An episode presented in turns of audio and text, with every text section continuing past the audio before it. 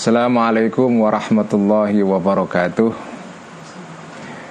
Bismillahirrahmanirrahim Alhamdulillahi rabbil alamin Wabihi nasta'in ala umurid dunia waddin Wassalatu wassalamu ala ashrafil mursalin Sayyidina wa habibina Wa maulana wa qurrati a'yunina Muhammadin wa ala alihi wa ashabihi Wa man tabi'ahum bi ihsanin ila yaumiddin Rabbi syrah li sadri wa yassir li amri Wahlul uqdatan min lisani yafqahu qawli. Rabbi zidna ilma warzuqna fahma. Amin ya rabbal alamin. Amma ba'du.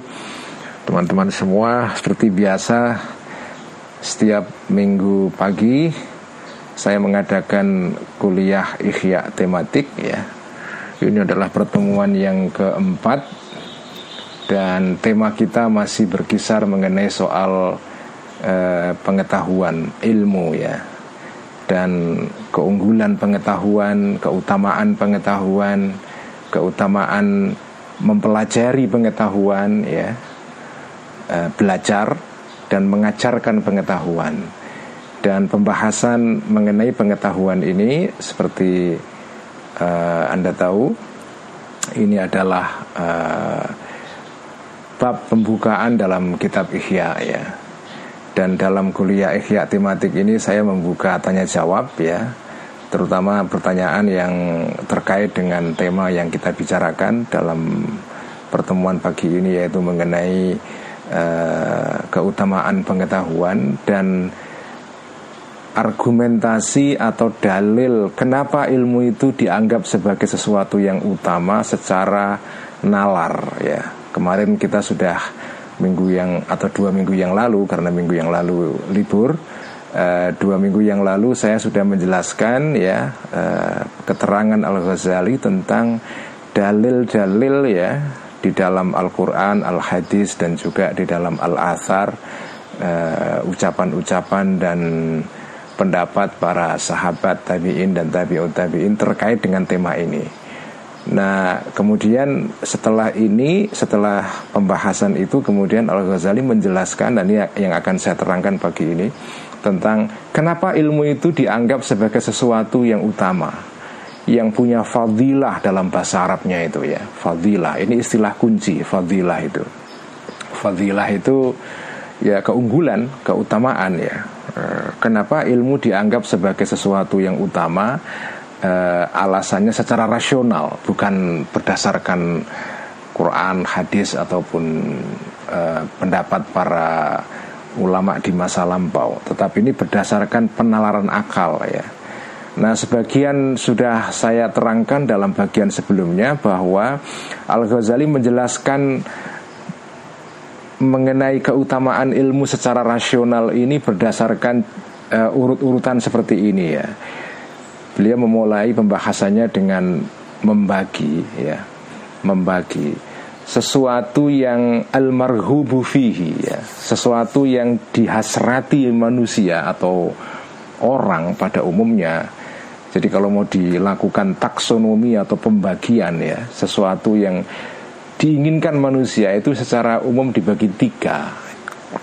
Ada sesuatu itu yang diinginkan karena alasan-alasan di luar sesuatu itu ada sesuatu yang diinginkan karena memang dirinya sendiri layak diinginkan, ada alasan yang intrinsik di dalam sesuatu itu. Ada sesuatu yang diinginkan karena alasan keduanya, karena alasan eksternal dan juga internal. Nah, sesuatu yang diinginkan karena alasan eksternal, alasan-alasan di luar sesuatu itu, apa contohnya? Contohnya adalah emas dan dinar dan dirham ya. Mata uang mata uang emas dan perak ya. Nah sesuatu emas dan perak itu diinginkan ya bukan karena dirinya sendiri sebetulnya kan. Karena dia disepakati sebagai alat pertukaran. Jadi kalau seandainya manusia itu tidak memberikan nilai kepada emas dan perak ya sebagai alat pertukaran ya mungkin orang tidak tidak menginginkan itu. Ya kayak sekarang kayak kayak apa namanya yang lagi viral saat ini ya cryptocurrency atau uang kripto ya. Atau uh, non fungible token itu NFT itu. Itu apa sih NFT itu? Itu kan token saja.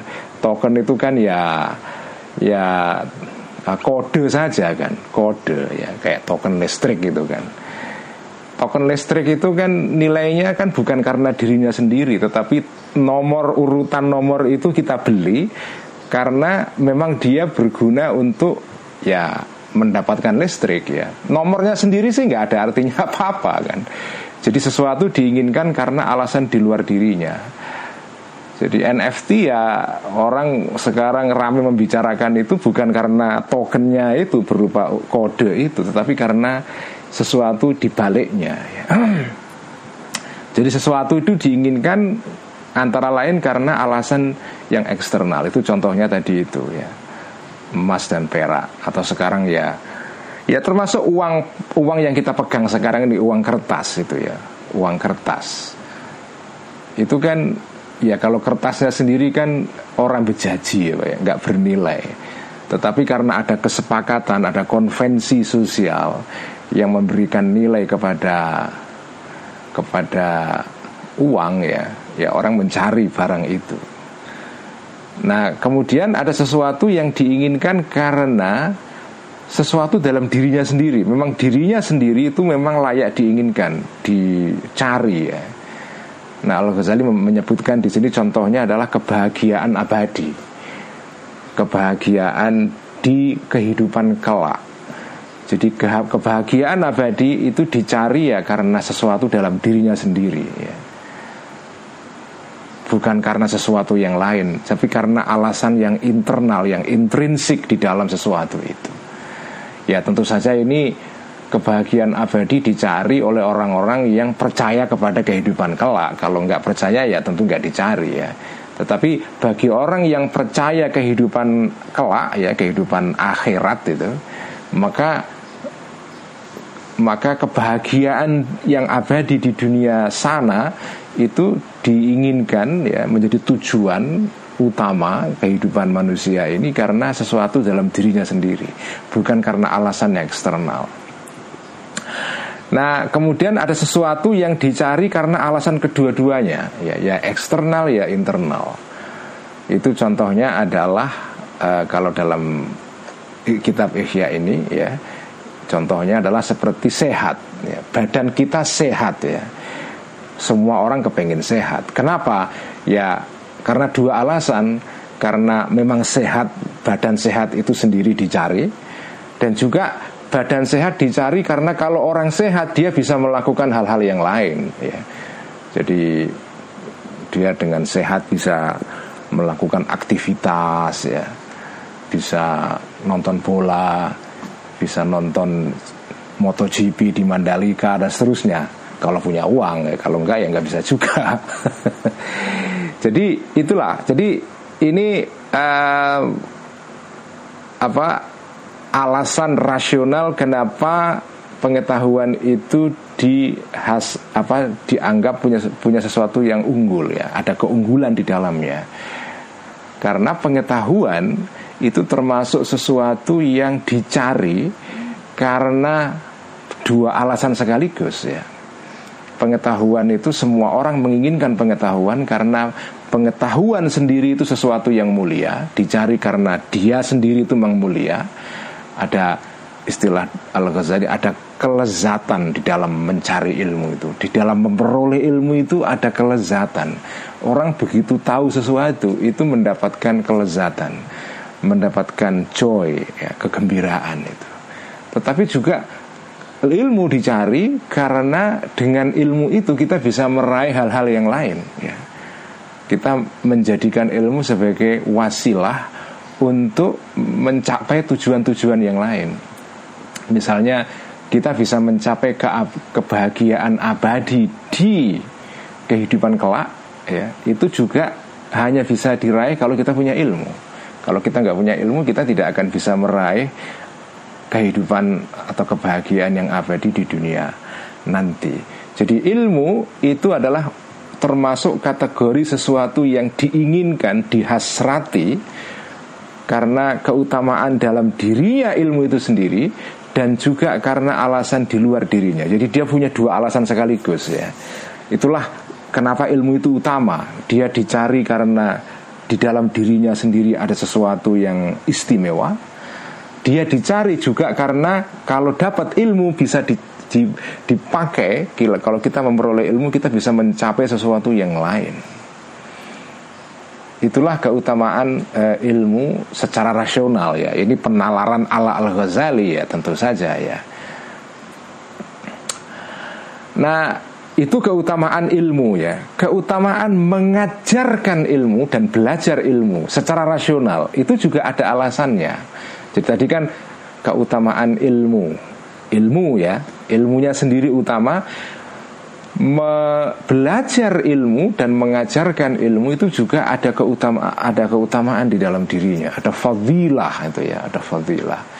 Nah apa apa apa alasan secara rasional ya fadilahnya belajar dan mengajarkan itu ya nah kalau dalam pandangan al Ghazali ini begini penjelasannya ya ini alasan rasional ini nggak ada dalam Quran dan dalam di dalam Quran tidak ada, dalam hadis tidak ada. Ini penalaran ala Al Ghazali. Ini temuan beliau sendiri untuk menjustifikasi ya keutamaan ilmu, keutamaan belajar ilmu dan keutamaan mengajarkan ilmu. Nah, bagian berikut ini menarik karena di di sini ada teori Al Ghazali mengenai soal politik itu. Nah, ini ini ini inilah uh, reasoning atau penalaran ala Al Ghazali. Kenapa mengajarkan dan belajar ilmu itu sesuatu yang utama? Uh,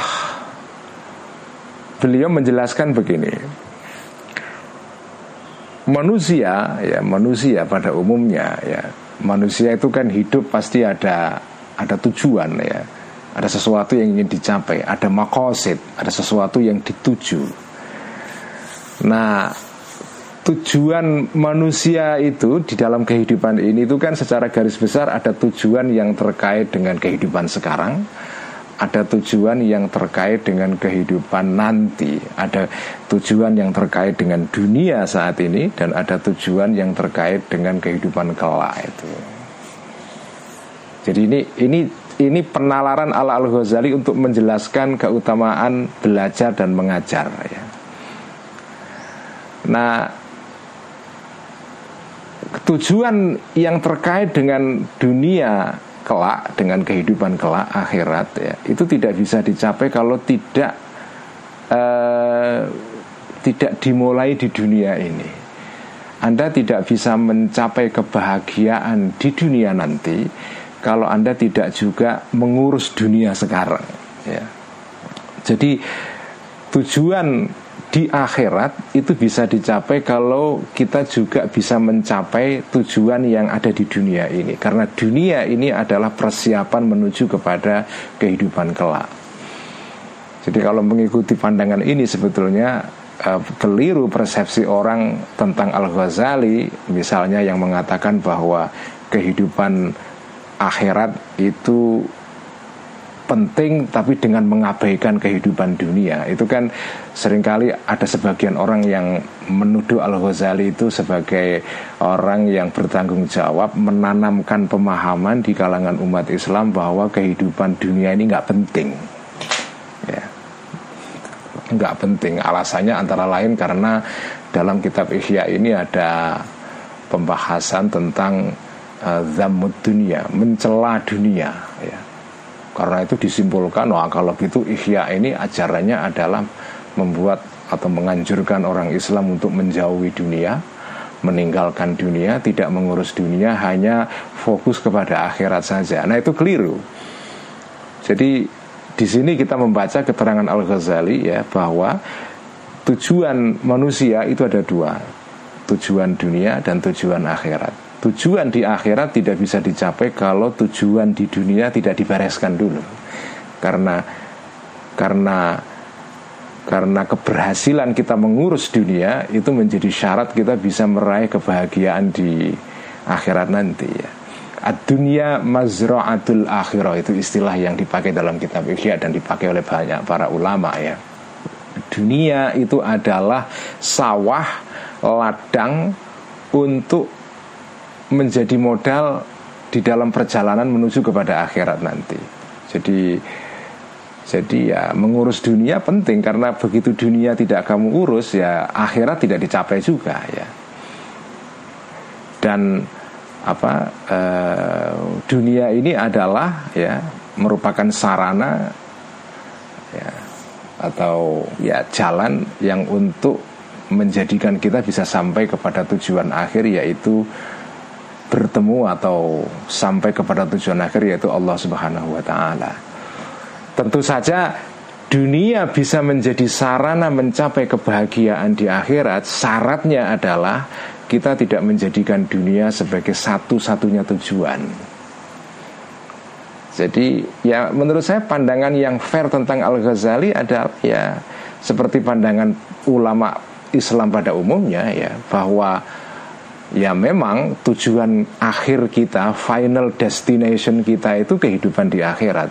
Tetapi kebahagiaan di akhirat ini, tujuan akhir ini tidak bisa dicapai kalau kita nggak menyiapkan uh, prasyaratnya. Prasyaratnya itu ada di dunia ini. Karena itu mengurus dunia, ya, mengelola dunia itu menjadi penting. Cuma mengelola dunia ini tidak dipandang sebagai tujuan pada dirinya. Jadi orang ini tidak lam yattakhidh ad-dunya mustaqarran wa watanan. Orang ini tidak menjadikan dunia sebagai tanah air terakhir ya. Ya. Memang NKRI harga mati tapi NKRI bukan tujuan akhir. Tujuan akhir bagi orang beriman adalah ya kehidupan kelak. NKRI hanya hanya instrumen sementara saja, wasilah gitu ya, menuju kepada tujuan akhir yaitu kehidupan kelak itu. Nah, mengurus dunia, ya, membangun dunia ini, menyelenggarakan dunia ini, mengurus dunia ini tidak bisa kalau uh, kita tidak melakukan pekerjaan, tidak melakukan sesuatu yang produktif, ya, tidak uh, menjalani sesuatu yang disebut dengan khiraf, ya, pekerjaan-pekerjaan. Jadi sampai tidak bisa memakmurkan dunia sebagai wasilah atau instrumen menuju kepada kehidupan abadi kelak ini kalau Anda tidak bekerja di dunia ini. Makanya pekerjaan itu penting. Bukan pekerjaan dalam pengertian ini ya, pekerjaan pekerjaan kantor bukan. Ya itu termasuk juga, tapi ini pekerjaan di dalam pengertian yang lebih besar daripada sekedar job dalam pengertian tadi apa dalam job dalam pengertian modern itu, job Bapak atau employment apa orang punya kerjaan yang menghasilkan uang. Bukan itu. Tapi ini pekerjaan dalam pengertian pekerjaan membangun dunia ini. Nah pekerjaan membangun dunia ini itu secara garis besar dibagi atas tiga kategori. Ini menarik ya. Jadi cara penalaran Al Ghazali itu ketika menjelaskan sesuatu dibagi-bagi begitu ditafsil ya Pekerjaan manusia di dunia ini untuk memakmurkan dunia itu dibagi tiga. Ada pekerjaan yang sifatnya usul, ya, usulun, pokok, landasan, fondasi, pekerjaan utama. Ya. Nah, pekerjaan utama untuk membangun dunia itu ada empat. Yang pertama adalah az-zira'ah, ya. Az-zira'ah itu artinya pertanian, menanam tanaman. Tapi kalau kita kontekstualisasikan dengan atau dalam kehidupan sekarang aziroah ini artinya tidak sekedar pertanian saja. Bisa pertanian bisa dagang bisa pokoknya segala hal yang mendatangkan penghasilan untuk mendukung kehidupan kita di dunia ini. Supaya kita bisa menuju kepada kebahagiaan abadi di dunia akhirat nanti di kehidupan kelak ya jadi ziroah di sini tidak, kalau menurut pemahaman saya ya, tidak bisa dimaknai secara spesifik khusus saja pertanian toh ya. Pertanian di sini mewakili segala profesi yang menghasilkan sesuatu untuk mendukung kehidupan manusia supaya dia bisa hidup ya. Bisa pertanian, bisa perdagangan ya. Bisa perdagangan itu perdagangan online ya karena sekarang eranya era online dagang melalui toko online ya kayak Mas Rizal Mubid yang selalu jualan kitabnya Al Ghazali setiap saya mulai ngaji kitab Al Ghazali ya. Nah, itu kan itu dagang itu itu itu jadi pekerjaan pekerjaan yang kategorinya usul pokok fondasi pertama itu adalah ziraah yaitu pertanian atau perdagangan ya. Kedua adalah al khiyakah yaitu pekerjaan untuk menghasilkan pakaian. Menenun ya tenunan ya menenun ya. Jadi segala pekerjaan yang mendatangkan baju untuk menutupi badan kita itu kedua ketiga adalah albina yaitu pekerjaan atau pengetahuan dan teknologi yang terkait dengan bangunan civil engineering ya Pak. Insinyur keinsinyuran sipil ya. Bangun rumah bangun jembatan bangun apa itu uh, pelabuhan dan seterusnya yaitu albina. Kemudian yang terakhir adalah yang keempat asiasa asiasa ini artinya mengatur kehidupan bersama. Di sini bisa siasah itu mengatur kehidupan sosial yaitu politik maupun kehidupan ekonomi. Jadi di siasah di sini e, dua maknanya ya, mengatur kehidupan sosial yang terkait dengan aspek politik maupun aspek ekonomi dan juga aspek-aspek yang lain, aspek budaya, aspek sosial dan seterusnya. Itulah siasa. Pokoknya ngatur kehidupan bersama. Itulah empat pekerjaan utama di dalam kehidupan manusia di dunia ini. Ya. Yang kedua, pekerjaan yang kategorinya bukan usul. Ini tadi kan pekerjaan utama, pekerjaan yang sifatnya usul ya, pokok. Pekerjaan kedua adalah kategorinya bukan usul tetapi sesuatu pekerjaan yang mendukung pekerjaan yang bersifat pokok. Muhayyiyah ya, pekerjaan yang muhayyiyah.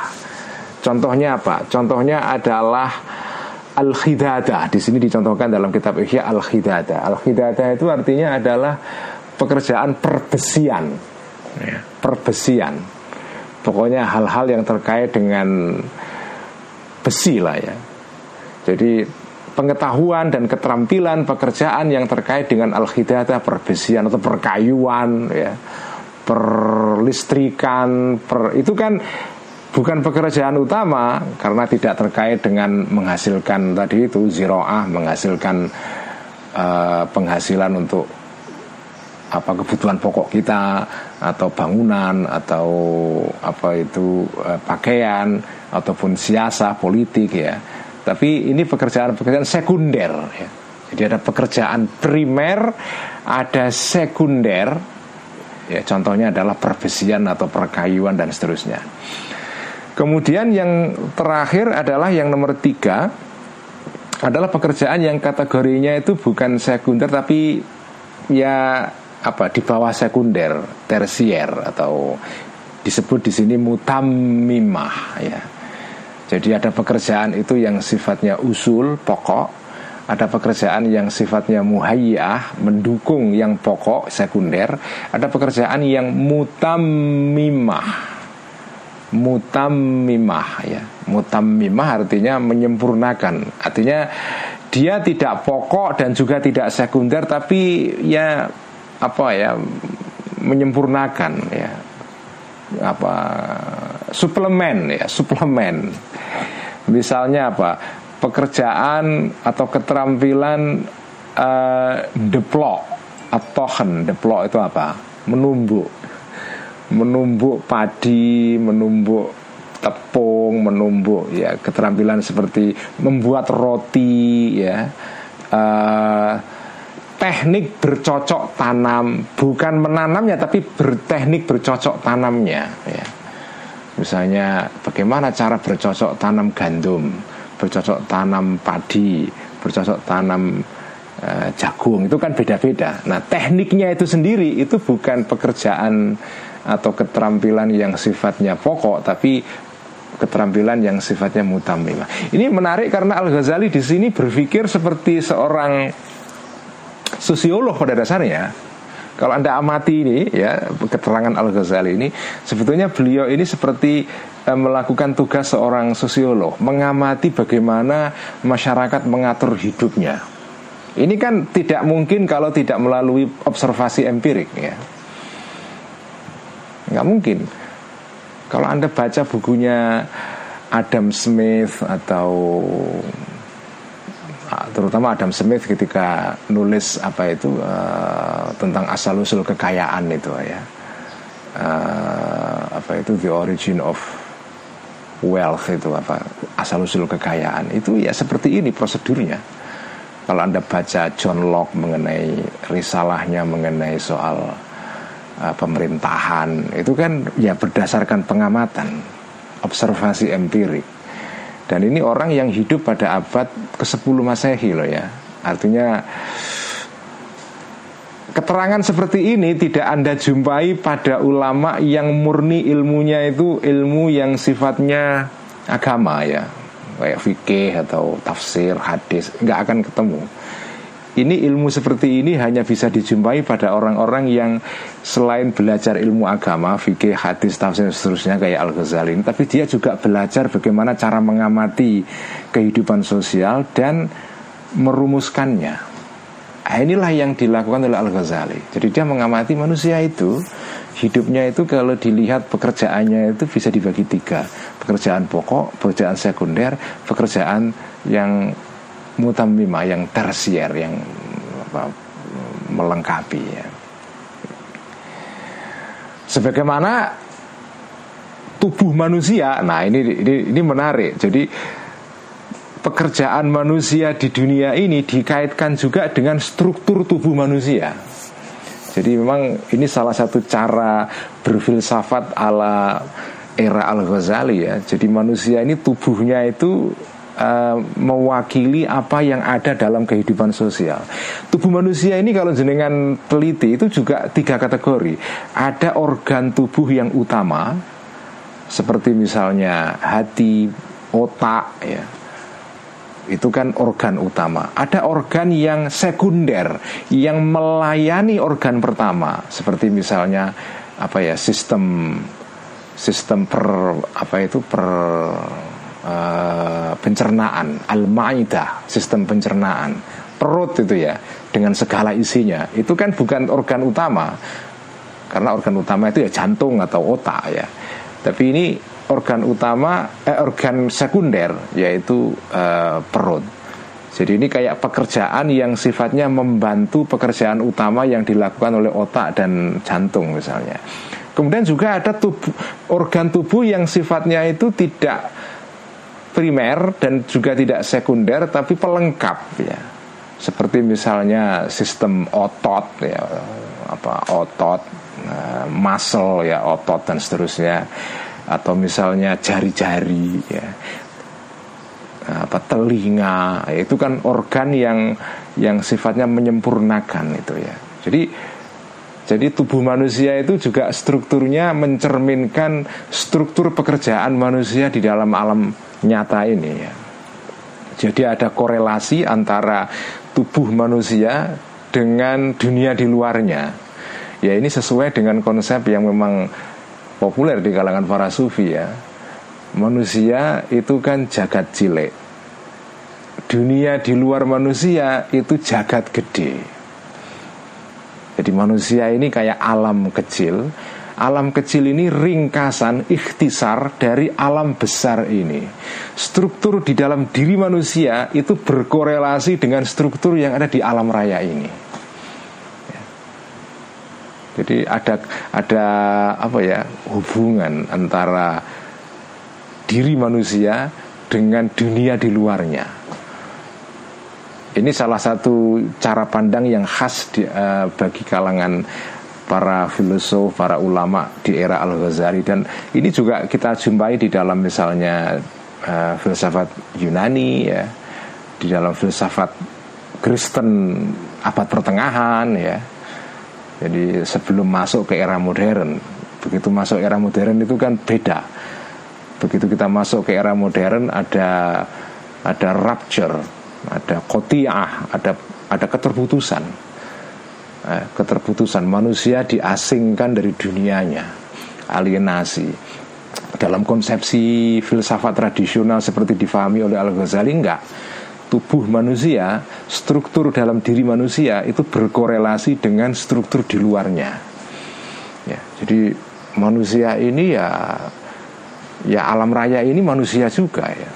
Cuma manusia dalam skala yang besar. Alam raya yang dalam skala kecil ya manusia ini. Makanya ada makro kosmos, ada mikrokosmos, ada jagat gede, ada jagat cilik ya. Jagat cilik itu ringkasan ikhtisar dari jagat gede. Strukturnya sama ya.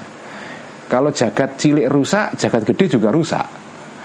Jagat gede rusak, jagat cilik juga ikut rusak. Kalau ada kerusakan lingkungan di dalam habitat manusia, jagat cilik manusia juga rusak juga kalau ada kerusakan di dalam jagat cilik manusia, dalam jiwa manusia, lingkungan manusia juga rusak juga. Jadi kerusakan lingkungan itu bisa terjadi karena dua hal. Karena berasal dari diri manusia atau kerusakan dalam diri manusia berasal dari kerusakan dalam habitatnya. Jadi, jadi berhubungan itu ya. Makanya menarik sekali ini menarik banget ini ya. Nah, menurut Al Ghazali, tadi kan ada tik, ada apa ya? Uh, pekerjaan yang sifatnya pokok itu kan ada empat tadi itu ada menanam menenun untuk pakaian membangun untuk papan rumah ya dan siasa yaitu mengatur kehidupan bersama. Di antara empat pekerjaan yang utama ini, yang paling unggul di antara keempat-keempatnya adalah pekerjaan yang disebut dengan siasa. Ya. Jadi teknik untuk mencari apa ya pengupo jiwa rezeki maisha ya entah pertanian perdagangan itu atau teknik membangun teknik menenun untuk menghasilkan sandang, pangan dan seterusnya dan papan itu semuanya di bawah statusnya itu di bawah pekerjaan yang disebut dengan siasa politik politik dalam pengertian ngatur kehidupan bersama ini. Nah, saya ingin memberikan perhatian ini untuk menutup keterangan atau ceramah saya pada pagi hari ini sebelum nanti saya buka tanya jawab ya.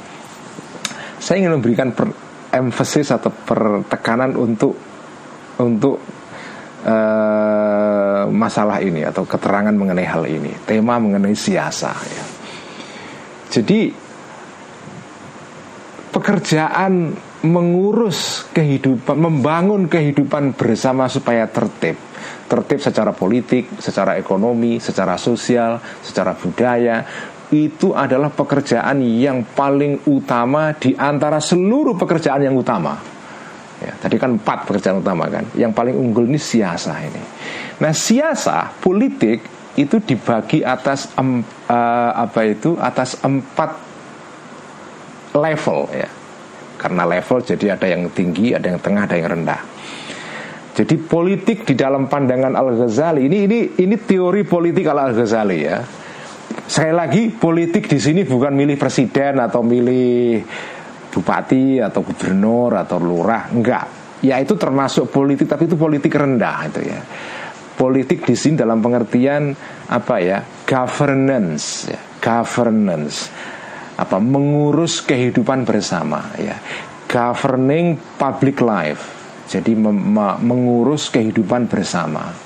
Entah itu politik, ekonomi, sosial, budaya. Nah, siasah di dalam pandangan Al-Ghazali politik itu ada empat tingkatan. Politik yang paling tinggi ya, politik yang paling tinggi itu adalah politiknya para nabi-nabi yang disebut dengan siasatul ambia. Siasatul ambia. Politiknya para nabi ya. Nah, politiknya para nabi ini ciri-cirinya ini adalah lingkupnya, artinya daerah operasinya itu menyangkut orang awam dan orang khawas, orang elit, orang terpelajar dan orang yang tidak terpelajar. Itu semua tercakup di dalam politik kenabian ini. Karena nabi itu tugasnya tidak hanya berdakwah untuk orang yang pinter-pinter saja, untuk orang yang punya titel doktor ya atau sarjana Nabi itu juga tugasnya untuk mendakwai dan memperbaiki kehidupan orang awam juga. Ya bukan hanya orang pinter saja. Itulah itulah ciri politik kenabian. Dan politik kenabian jadi cirinya dua. Pertama dari sudut lingkupnya. Lingkupnya itu mencakup orang awam dan orang terdidik. Kemudian sasarannya ya jadi targetnya politik kenabian ini adalah menyangkut batinnya para manusia dan zohirnya. Batin itu apa ya? Artinya apa?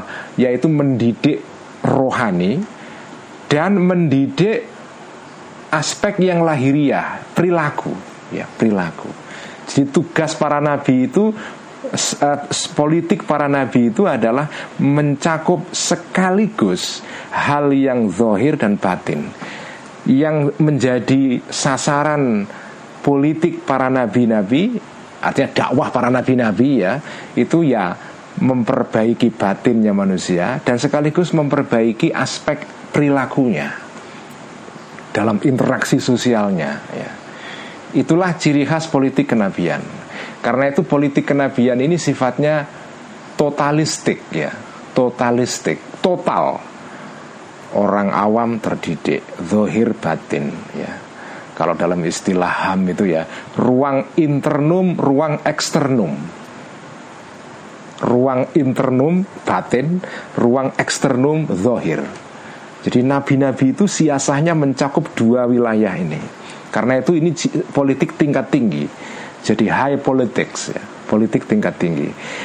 Yang kedua, di bawah politik para nabi-nabi adalah politiknya para raja-raja, siasatul khulafa wal muluk wassalatin politiknya para raja-raja. Nah politik para raja-raja ini karakternya dua juga lingkupnya mencakup para orang awam dan orang terdidik. Raja itu kan ya berkuasa atas orang pinter dan orang bodoh sekaligus ya. Orang elit dan orang awam. Dua-duanya itu ya harus tunduk kepada raja. Tetapi target kekuasaan atau siasah para raja-raja ini hanya menyangkut aspek lahiriahnya saja. Jadi yang diurusi para raja-raja itu bukan batinnya manusia. Gak bisa mengurus batinnya manusia karena itu wilayah wilayahnya para nabi-nabi yang nanti diteruskan oleh para ulama ya.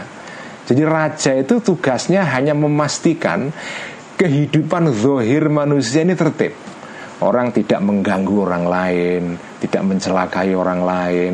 Kalau berkendaraan di jalan raya tidak tidak saling apa ya nabrak satu dengan yang lain karena itu ada marka jalan, ada bangjo apa ya, lampu apa itu merah hijau itu ada ada lampu lalu lintas, ada CCTV ya, ada CCTV ada macam-macam.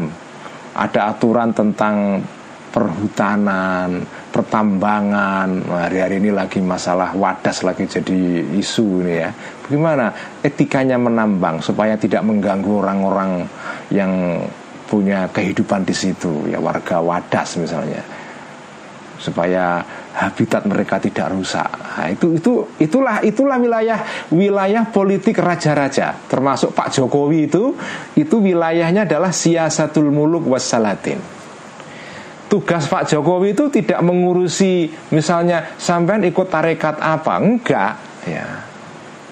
Enggak itu. Ya. Jadi dengan ini apa ya kira-kira bahagia atau tidak itu itu bukan urusan Pak Presiden Jokowi itu. Presiden itu atau raja-raja itu urusannya adalah urusan zohir.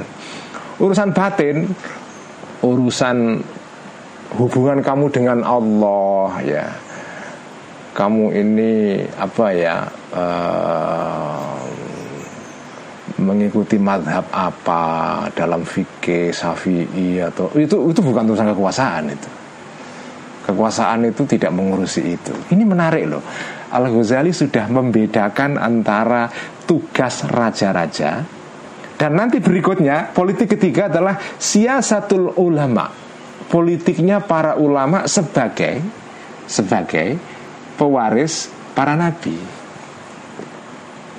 Nah politiknya para ulama ciri-cirinya adalah ya mereka ini lingkupnya karena ulama ini ya orang-orang yang punya ilmu politik mereka ini terbatas hanya kepada orang-orang yang pinter yang terdidik Nanti untuk orang awam ada sendiri tugas politiknya. Jadi ini kita bahas dulu politik para ulama.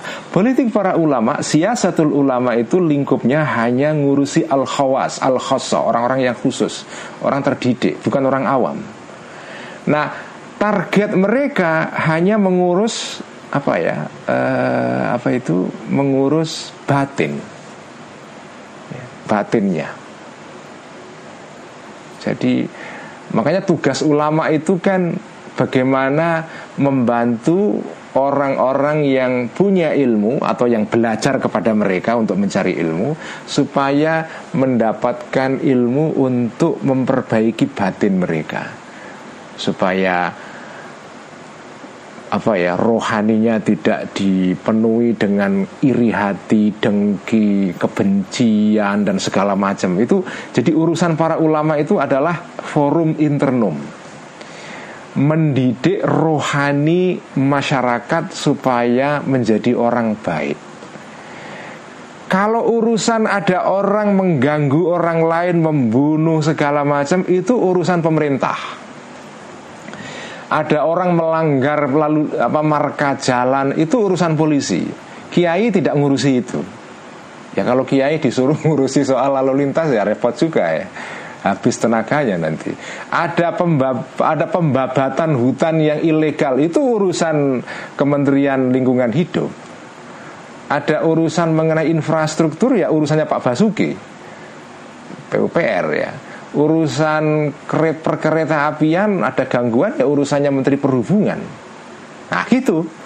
Bukan urusannya ulama, ulama urusannya adalah ndak apa ya mendidik rohani manusia, batin manusia supaya batinnya ini bersih, supaya bisa mencapai kebahagiaan abadi di dunia akhirat nanti. Terakhir, siasah politik yang terakhir adalah siasahnya para penceramah, siasatul wu'ath ya siasatnya para penceramah. Penceramah itu memang yang diurusi orang awam. Kalau siasatul ulama ini ya ini profesor apa ya ya orang-orang terdidik lah ya mahasiswa gitu orang-orang yang punya ilmu nulis buku ya ya orang-orang yang yang punya punya kemampuan literasi ya yang bisa baca tapi kalau orang awam itu tugasnya orang-orang penceramah politiknya para al-wa'af. Nah, jadi dan tugas mereka, sasaran politik mereka sama seperti para ulama, yaitu mengurusi batin. Ya. Jadi ini menarik karena sebelum mengaji ini, tadi Mas Nu itu dilalah kok tanya sesuatu yang terjawab oleh keterangan Al Ghazali di sini ya. Mas Nugroho ya Mas Nu ya. Mas Nu ini santri Ihya dari awal ya, sejak awal sekali dari 4 5 tahun yang lalu sampai sekarang konsisten ngaji Ihya terus. Terima kasih Mas Nu dan dan orangnya penuh dengan pertanyaan. Saya senang sekali Mas Nu ini. Nah dia resah terus Mas Nu ini punya pertanyaan-pertanyaan yang banyak dalam pikirannya. Salah satunya adalah pertanyaan dia, saya baca ya. Eh uh, ini ada, saya nggak bisa baca di sini ya uh, pertanyaannya adalah uh, bagaimana konsep Islam tentang pembedaan antara apa ya wilayah dunia dan wilayah agama ya kan dalam apa uh, jadi minta dibahas tentang pandangan pemisahan agama dan negara dan bagaimana mendudukkan masalahnya. Nah ini ini sudah ketemu rumusannya Mas Nu. Jadi politik itu macam-macam politik para nabi-nabi ini politik yang totalistik memang. Tetapi kan era kenabian sudah selesai. Jadi politik para nabi-nabi itu ya menyangkut orang awam dan orang terdidik, menyangkut zohir dan batin, menyangkut ruang internum, ruang eksternum, menyangkut dunia dan akhirat, kira-kira gitu loh ya. Masalah agama dan masalah duniawi, masalah sekuler dan masalah yang apa itu eh, sakral, masalah profan dan masalah yang yang sakral. Dua-duanya sekaligus, ya. itu adalah politik nabi-nabi. Nah, nabi-nabi itu sudah nggak ada lagi. Makanya teori dalam Islam itu nabi itu sudah berakhir dengan kenabian Nabi Muhammad Wasallam. Itu penting sekali di sini re relevansinya, karena era kenabian itu selesai sudah, nggak ada lagi. Nabi Muhammad itu menutup era kenabian. Politik kenabian sudah nggak ada. Setelah era Nabi selesai, politik dibagi dua. ada politik para raja-raja, tugasnya mengurus kehidupan sosial dan seterusnya. Ada politik para ulama yang ngurus batinnya manusia. Urusan akhirat ulama, urusan dunia penguasa. Dibagi. Jadi bu, ada ada mungkin bukan pemisahan tapi pembagian division of labor, ada pembagian tugas itu. Ini menarik sekali teorinya Al Ghazali ini. Jadi tidak betul kalau para teori apa ya ilmuwan politik di Barat itu kan banyak yang punya persepsi ya atau punya pandangan bahwa konsepsi atau teori politik modern yang memisahkan antara urusan agama dengan dunia, antara otoritas sakral dengan otoritas eh, sekular ya antara pemerintah dengan antara gereja dengan istana ya antara pondok pesantren dan istana. Itu pemis, apa, pembagian wilayah ini ini adalah temuan dunia barat. Menurut saya tidak seluruhnya tepat dan sudah banyak sarjana yang membuktikan bahwa itu keliru ya keliru ya. Dan hari ini pagi ini kita membaca keterangan Al-Ghazali tentang pembagian politik. Politik itu ada politik duniawi, ada politik ukhrawi. Politik ukhrawi wilayahnya ulama dan para penceramah agama al-wa'ath Politik duniawi wilayahnya para asul as, al-khulafa wal muluk wassalatin Itu ya Nah, ini semua siasah ini ini tidak bisa dikerjakan kalau nggak ada ilmunya. Ya. Nggak ada ilmunya nggak bisa. Ya ini harus dikerjakan dengan ilmu karena itu ilmu ini utama dan makanya Islam itu adalah agama yang menekankan pentingnya ilmu. Dan sejak kecil saya itu ya diajari ayah saya almarhum Kiatullah Rifai dan emak saya ibunya Salamah itu mereka-mereka itu mem, me, apa ya ya tidak meninggalkan apa-apa kepada saya. Nggak ada rumah nggak ada sawah nggak punya apa-apa. Saya ditinggali pengetahuan aja. Dan ditinggali sikap mencintai ilmu. Inilah ciri khas umat Islam terutama kalangan santri ya. Itu ya dunia penting. Cuma ya kalau sudah ada ilmu itu dunia katut itu ya. Nggak usah khawatir lah.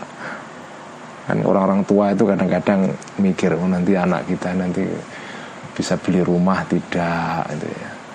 Bisa makin mahal rumah sekarang kan. Ya Allah saya nggak tahu saya juga nggak tahu apakah saya bisa membelikan rumah untuk anak saya atau anak saya bisa punya rumah atau tidak saya nggak tahu juga orang tua saya dulu juga nggak mikir begitu Orang tua saya dulu itu saya yakin, hakul yakin 100% tidak mikir itu anak saya nanti bisa beli rumah enggak, bisa beli sawah enggak, pekerjaannya apa enggak. Yang dipikir belajar, ngaji, mencintai ilmu, membaca. Nanti kalau dapat ilmu, dunia katut, dunia ikut sendiri itu. Bahkan kalau menurut teori ayah saya, ya Abdullah Rifai itu, kamu itu kalau menguasai ilmu satu, satu saja, itu yang lain kena semua. Dalam bahasa Arabnya itu itu semboyannya begini man tabahhara fi ilmin wahidin atau fi wahidin tabahhara fi sairil funun barang siapa yang ilmunya itu nyegoro nyegoro itu melaut luas dan dalam. Dalam satu ilmu, dalam satu bidang saja, nggak usah neko-neko, maka dia akan menguasai bidang-bidang yang lain. Nah ini beda dengan semangat sekarang ini. Orang tahu banyak tetapi tidak mendalam Gara-gara teknologi internet sekarang ini. Ya, Baca apa saja tapi ya Sauplik-sauplik ya Baca ini sauplik, ini sauplik, ini sauplik ya. Tapi nggak mendalam ilmunya. Seolah-olah menguasai banyak hal Tapi nggak tahu apa-apa. Kalau ajaran ayah saya Dan termasuk juga ajaran uh, apa kakeknya Mbak Admin ini Mbak apa Gusmus ya. Kakeknya Gusmus yaitu uh, Mbak Khalil Kasingan ya Mbak Khalil ya. Khalil. Harun ya. Mbak Kiai Khalil Harun yaitu gurunya Kiai Bisri Mustafa ayahnya Gusmus itu juga sama. Jadi Kiai Khalil Harun itu itu ngajari Kiai Bisri Mustafa bapaknya Gusmus itu hanya satu saja kitab Alfiyah. Tok. Nggak boleh ngaji kitab yang lain. Karena prinsipnya Kiai Khalil kalau kamu menguasai kitab Alfiyah yaitu kitab tentang nahwu sorof ya tata bahasa Arab. Kamu mendalami ilmu satu kitab ini kitab-kitab yang lain kena semua udah. Bahkan menurut cerita Abah Gusmus ya Kiai Bisri Mustafa itu pernah dimarahi oleh Kiai Khalil karena suatu hari Kiai Khalil itu kepingin ngaji kitab Ihya. Kiai Bisri terus ikut mau ngaji. Dimarahi itu. Loh kamu ngapain kamu kok ikut ngaji Ihya itu? Kamu ngaji Alfiyah saja. Ini hanya untuk para santri senior. Lah itu jadi Mbah Bisri itu ngajinya kitab Alfiyah saja. Tapi dengan Alfiyah yang lain kena semua. Jadi man tabakhara fi fannin wahidin tabakhara fi sairil fununi. Barang siapa mendalami satu bidang akan mendapatkan semua yang lain. Karena ilmu itu pada prinsipnya kan interconnected. Ya. Logiknya ilmu itu kan sama. Mau ilmu agama, ilmu umum, ilmu itu kan logiknya sama. Kalau jenengan sudah ketemu logiknya ilmu, satu itu yang lain kena semua ya. Kena semua itu ya Dan saya kira benar itu yang dikatakan Para leluhur kita Kiai-kiai sepuh dulu itu ya Dan ini penting untuk diingat generasi sekarang yang Apa ya si, apa perilakunya berbeda sekarang perilaku pengetahuannya. Mengetahui banyak. Termasuk saya saya ini juga seneng menjelajah macam-macam ya tapi ya tidak mendalam ya. Sidik sidik sidik sidik gitu ya. Ya karena memang nikmat menjelajah pengetahuan itu. Tapi kan tidak mendapatkan kedalaman. Nah kalau mau mendalami ilmu itu membutuhkan kesabaran ya dan seterusnya ya inilah kuliah ikhya tematik uh, pagi ini ya masih ada pertanyaan lagi Mbak Admin? Ada yang dari kemarin juga banyak Ini mohon maaf ya tidak semua pertanyaan bisa dijawab ya. Uh, ya kan nggak semua harus dijawab semua ya. Tapi pertanyaan bertanya itu sendiri sudah berpahala. Ya. Jadi jenengan yang bertanya nggak dijawab itu tidak masalah, tidak masalah ya. Itu sudah berpahala satu ya kalau dijawab pahalanya dua.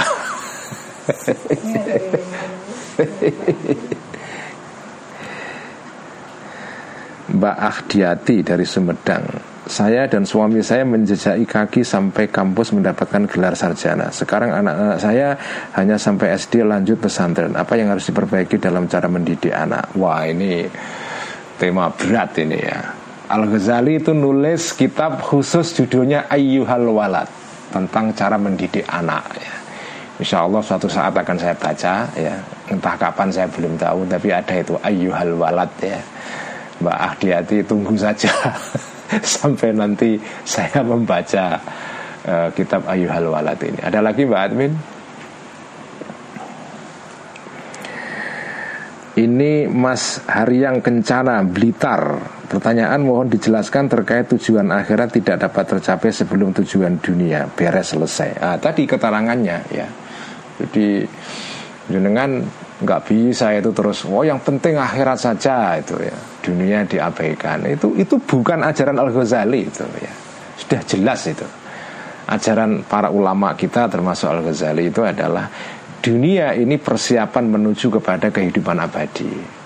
Jadi kalau kamu tidak beres di sini ya kamu tidak mengurus dunia ini orang Islam tidak mengurus ekonomi, membangun koperasi, ya koperasi yang beneran ya bukan koperasi abal-abal, tidak membangun perusahaan, tidak membangun universitas, tidak mempunyai lembaga riset yang baik, tidak punya perpustakaan. Ya. Ini kan orang Islam kan semangatnya itu membangun masjid. Ya bagus, bangun masjid itu bagus. Bangun masjid itu kan kehidupan akhirat ya. Tapi semangat orang Islam untuk membangun perpustakaan itu tidak sebesar membangun masjid. Nah, itu tidak sesuai dengan ajaran Al Ghazali itu. Karena ya ya ada masjid tapi juga ada perpustakaan ya. Ada tempat belajar. Di masjidnya ada perpustakaan. Jadi bangun masjid itu tidak berhenti di masjid saja. Kalau bisa masjid itu di dalamnya ada perpustakaan yang bagus ya. Ada apa ya program-program untuk mengembangkan literasi, menulis ya. Macam-macam lah. Di masjid ya sebagai tempat untuk untuk mengurus dunia juga ya. Karena kanji Nabi itu menyelenggarakan masjid juga bukan sekedar tempat untuk salat tapi tempat untuk rapat politik rapat militer menerima tamu ya karena kan kanjeng Nabi nggak punya rumah kanjeng Nabi itu kan rumahnya di masjid Nabi kan rumahnya itu di samping masjid. Jadi kalau nemui tamu ya di jerambahnya atau di apa ya ruang terasnya masjid itu ya. Nah minggu depan kita akan membahas tentang jenis-jenis uh, ilmu ya tentang apa ya klasifikasi ilmu. Ada ilmu yang terpuji, ada ilmu yang tidak terpuji, ada ilmu agama, ilmu yang bersifat rasional. Ini sebagian sudah saya terangkan waktu ngaji Kopdar Ihya di Kerawang di tempatnya Kiai uh, Ahmad Ruhyat Hasbi di apa PCNU Kerawang, tapi nanti akan saya jelaskan lebih detail ya. Sekian kuliah Ihya tematik pagi ini. Semoga kita mendapatkan pencerahan dari uh, kuliah hari ini dan mari kita teruskan dengan olahraga pagi ya. Terima kasih. Wassalamualaikum warahmatullahi wabarakatuh. Waalaikumsalam.